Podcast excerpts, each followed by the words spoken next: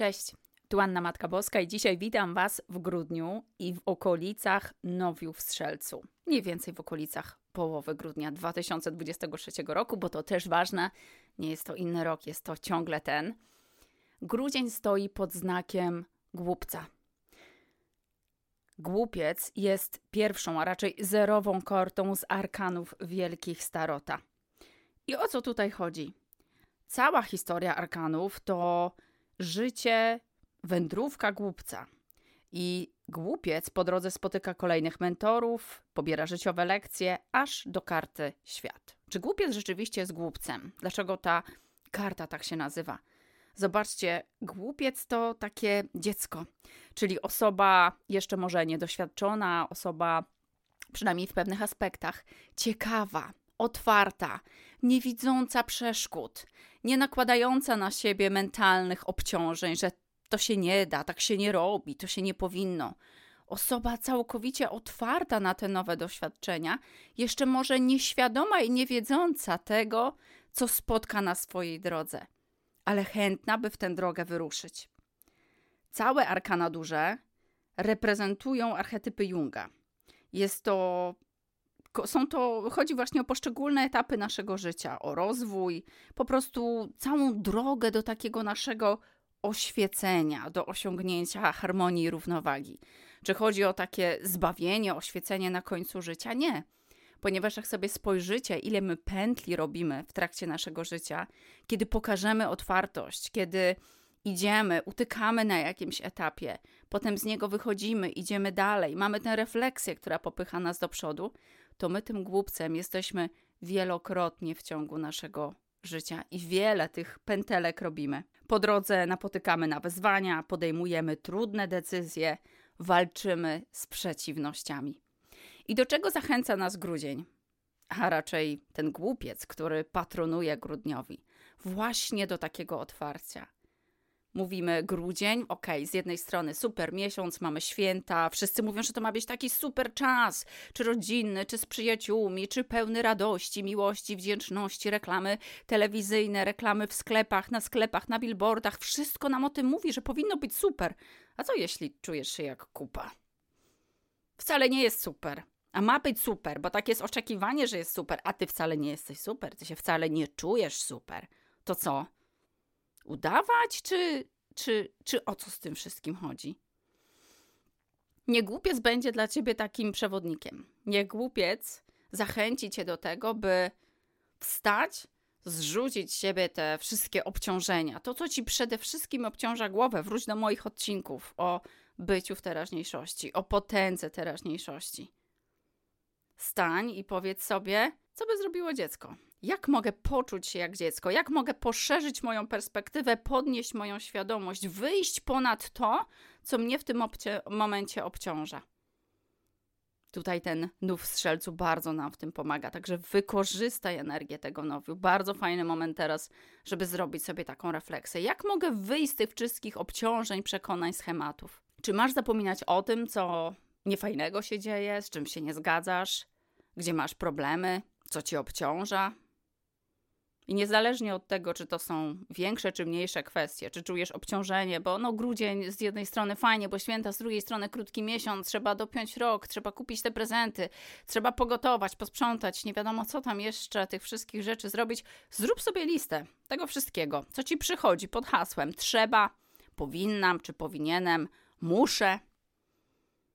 Zrób sobie listę tych wszystkich rzeczy. Dopóki nie zrobisz sobie tej listy, to będzie ci się wydawało, że to jest takie wielkie i tak cię osacza. Ja nie twierdzę, że tak nie jest, ale zrób sobie listę, bo z listą to ty jesteś w stanie się zmierzyć. Z listą to ty jesteś w stanie wziąć długopis i powiedzieć: OK, czy ja to po kolei z tych wszystkich rzeczy, które wypisałaś czy wypisałeś, idziesz i mówisz, czy ja to rzeczywiście chcę zrobić. A jak to zrobię, to jaki to będzie miało wpływ? I być może ważniejsze jeszcze pytanie, a jak tego nie zrobię, to co się stanie? Czy to może poczekać? A może w ogóle nie muszę tego robić? Wiecie, tak pójdę teraz od tej strony świątecznej, bo przez lata, kiedy mieszkałam z rodzicami, to święta to mi się z jednej strony super, bo ta choinka i taka, no prostu fajna atmosfera, do której każdy tęsknił, a ciężko ją było wytworzyć, kiedy był ciągle nacisk na to, że tam to trzeba posprzątać, że się w kuchni stoi od rana do wieczora i tak dalej, i tak dalej, i tak dalej. Te wszystkie rzeczy, które tak naprawdę zabierają całą tę magię świąt. I wiecie co? Teraz zrobię zupełnie odwrotnie. Nie mam żadnego nacisku wewnętrznego, bo z zewnętrznym najłatwiej sobie poradzić, wewnętrznego na to, że ja muszę coś ugotować, nie wiem, że trzeba okna pomyć, że, że to, żeś może tamto. Po co ci to? Potem święta mijają, a ty mówisz sobie, o, następne święta to muszą być fajne, bo tak w sumie cała ta atmosfera się zmarnowała, bo to jest atmosfera. To jest naprawdę przyjemne i to ma być ten moment przyjemności, kiedy się zatrzymasz i poczujesz, jak to dobrze mieć tych ludzi wokół ciebie, których masz. Jak to dobrze móc się zatrzymać, jak to dobrze mieć taką choinkę i, i nałożyć zabawny sweterek. Jak to dobrze dać sobie trochę przyjemności w życiu. I to jest ten magiczny czas, który potęguje jeszcze tę przyjemność, o ile dasz na to pozwolenie. Zatem zrób sobie tę listę i wykreślaj. Wykreślaj. A to, na co się zdecydujesz, okej. Okay. To jest Twoja droga do tego, żeby móc rzeczywiście poczuć tę przyjemność. I ciesz się z tego, co robisz. I gratuluj sobie za determinację, za siłę, za odwagę, żeby powiedzieć nie. Również ja tego nie zrobię. I żeby powiedzieć tak. Tak, ja to zrobię, bo ja chcę, bo ja to robię, żeby komuś tam, albo mi, albo jeszcze gdzieś indziej dobrze się zadziało. Bo wiem, jaki to będzie miało wpływ i to będzie miało pozytywny wpływ. Zatem bądź jak ten głupiec. Daj sobie poczuć to piękno świata, radość, wdzięczność, odkryć to na nowo. Pomimo zabiegania, pomimo stresu, pomimo braku słońca. I możesz zapytać, a Anka, no co ty gadasz? Przecież, no, mam być takim super hura optymistą? Skąd ja sobie wskrzeszę tę całą energię? Otóż nie musisz być super hura optymistą, wręcz jest to udowodnione, że superhora optymiści wcale się dobrze nie mają, bo najczęściej superhora optymiści to jest, czy superhora optymizm raczej, to jest y, narzucanie sobie powinnam być optymistyczna. Powinnam, czy powinienem myśleć w taki sposób. A czy o to chodzi? Czy masz zapominać o tym, co cię otacza? Że trzeba te rachunki zapłacić? Że trzeba te prezenty kupić? Z jednej strony przyjemność z tymi prezentami, ale możesz na to spojrzeć jako obowiązek. Decyzja twoja. Należy do ciebie. Ale czy masz zapomnieć o tym wszystkim, o tych realiach, które cię otaczają i się zachowywać, jakby nic się totalnie nie zadziało? No nie. Bo zobacz, nawet głupiec w swojej drodze, powoli odkrywając czy wchodząc w kolejny etap życia, on doświadcza tego etapu życia i on go nie odrzuca. Ale co też charakteryzuje głupca, to wiara i taka, taka determinacja w dążeniu, w pójściu dalej, w też w rozwoju, nie utykanie na jakimś etapie, nie utykanie w danym schemacie myślenia. Wręcz można by powiedzieć wiara w to, że to wszystko ma sens. Bo bez sensu, no to po co w ogóle cokolwiek robić? Takie właśnie podejście nosi nazwę realistycznego optymizmu. I dla tych z Was, którzy lubią książki Jima Collinsa, dla tych, którzy nie, to też polecam. Są książki biznesowe, ale też y, bardzo mocno życiowe, tak naprawdę. On w jednej ze swoich książek opisał tak zwany paradoks Stockdale'a. I Stockdale był jednym z żołnierzy, w ogóle wysoko postawionych potem, którzy, czyli wysoko w hierarchii armii, którzy przeżyli wietnamską niewolę. Był tam Stockdale prawie 8 lat. I kiedy wyszedł, zapytano go, jaki był przepis, jaka była recepta, że on to wszystko przeżył, to tortury, to no, niewyobrażalne rzeczy wręcz. I on powiedział o tym, że pierwsi umierali optymiści. No ale jak to optymiści?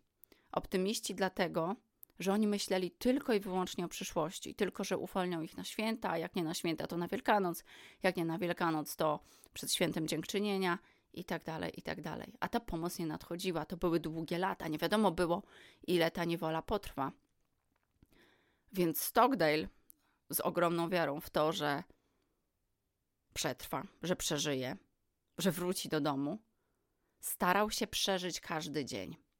Każdego dnia kombinował, co tu zrobić, żeby przeżyć, żeby przetrwać.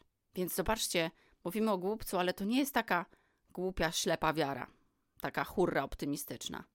To jest też działanie w teraźniejszości, zajmowanie się tym, co teraz boli. Jak mnie boli ręka, to potrzebuję zająć się tą bolącą ręką, bo nie wiadomo, co tam jest i co z tego może być. Więc ja się zajmuję tą ręką. Cokolwiek się nie dzieje każdego dnia, ja się tym zajmuję. Ja sobie z tym radzę. Ja to przechodzę. Ale patrzę też do przodu, nie zatrzymuję się w tym, jak mi jest straszliwie ciężko. Bo wtedy tracę wiarę, tracę moc wewnętrzną, nachodzą mnie wątpliwości. Więc działam z tym, co mam pod ręką, ale moja wizja to jest właśnie wizja, to jest do przodu. Cała ta historia podkreśla raz jeszcze potęgę teraźniejszości. Jak ważny jest dobry kontakt z rzeczywistością, również na poziomie faktów, na poziomie tego, co się rzeczywiście wydarza. Bo ten dobry kontakt z rzeczywistością pozwala zobaczyć tą prawdziwą twarz, prawdziwe oblicze tej rzeczywistości. Nie uciekasz przed akceptacją tego, co jest, tylko bierzesz to, co jest i na tym budujesz kolejny krok, by osiągnąć swoją wizję, by osiągnąć ten w cudzysłowie sukces, jakkolwiek sukces sobie chcesz określić i zdefiniować. Z drugiej strony podejście tego nie da się zrobić, to jest nie do zrobienia, nic nie mogę zrobić, nie poradzę sobie. To jest nurzanie się w pesymizmie. To jest zabieranie sobie sprawczości, bo zawsze jest coś, co można zrobić. Nawet jedną małą rzecz. Zawsze jest coś, co można zrobić. Bądź głupcem i ciesz się z tego. Mówiła do ciebie Anna Matka Boska.